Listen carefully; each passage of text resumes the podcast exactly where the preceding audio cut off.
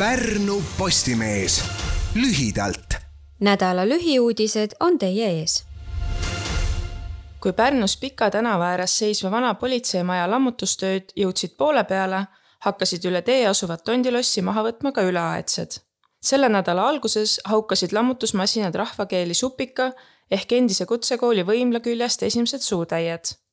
maha võetakse kunagise kutsekooli aia ja Pika tänava äärsed hooned ning alles jääb Pargi tänava poolne muinsuskaitsealune punastest tellistest kahekorruseline hoone. praeguste plaanide järgi peaks Supika plats puhas olema veebruari lõpuks. politseimajal hakatakse järgmisel nädalal lammutama kõige kõrgemat, viiekorruselist hoonet ning kogu plats saab puhtaks jaanuari alguseks Pärnus Nooruse Majas toimunud tunnustusüritusel kuulutati välja linna kultuuripreemiate tänavused laureaadid loomingupreemia pälvis Kristjan Tamm ehk kunstnik Krüptik Pärnu linnaruumi tänavakunstiga rikastamise eest. korraldajapreemia sai sihtasutus Pärnu Muuseum Liidia Koidula saja kaheksakümnenda sünniaastapäeva programmi Üks Eesti, käsi ja süda korraldamise eest mais postiljoni ametisse asunud Kuno Raig sai eelmisel nädalal lumeristsed kui tal tuli kell neli Paikusel ja Seljametsas postiringil kohati pahkluudeni lumes kirjakaste täita.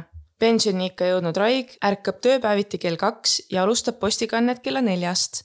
kui autoga saab postiljon igalt poolt kenasti läbi, muutub töö keeruliseks postkastideni jõudmisel. mees peab kohati kümme-viisteist meetrit sumpama, et saadetis kohale toimetada. postiljon palub, et inimesed postkastini viiva raja lumest puhtaks lükkaks Omniva lisab, et lumevaba võiks hoida mitte ainult kirjakasti ümbruse, vaid kasti pealsegi ning lumetõrje kõrval on vaja teha ka libedustõrjet. nutitelefonide kasutamine Pärnu lasteaedades on tekitanud nii palju muret, et linnavalitsuse haridusosakonna eestvedamisel soovitakse muuta suve pealinna lasteaedade territooriumid nutitelefonivabadeks aladeks Pärnu linnavalitsuse alushariduse peaspetsialisti Ines Savi sõnutsi pole lasteaedade nutivabaks muutmise idee puhul tegemist õigusaktiga, mis käseks, keelaks või kohustaks, vaid hea tava juurutamisega. keegi ei karista ja keegi ei hakka seda valvama. teretulnud on sõbralik õlalekoputus, selgitas Savi ideed, mis tema sõnutsi on idanenud juba mõnda aega ja nüüd alates esimesest detsembrist teoks sai punase torni juures pandi punkt värskendustöödele. Pärnu muuseumile kuuluva linna vanima ehitise õue palistavad nüüd kriitvalgeks võõbatud tugevdatud vundamendiga müürid. sissekäiku ehib aga sootuks uue väljanägemisega metallvärav.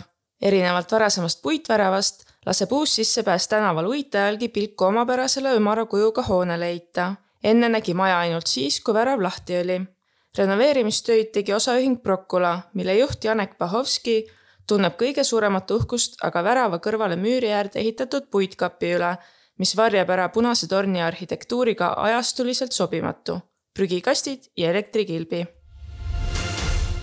praegu saab internetis valida Pärnu aastategu.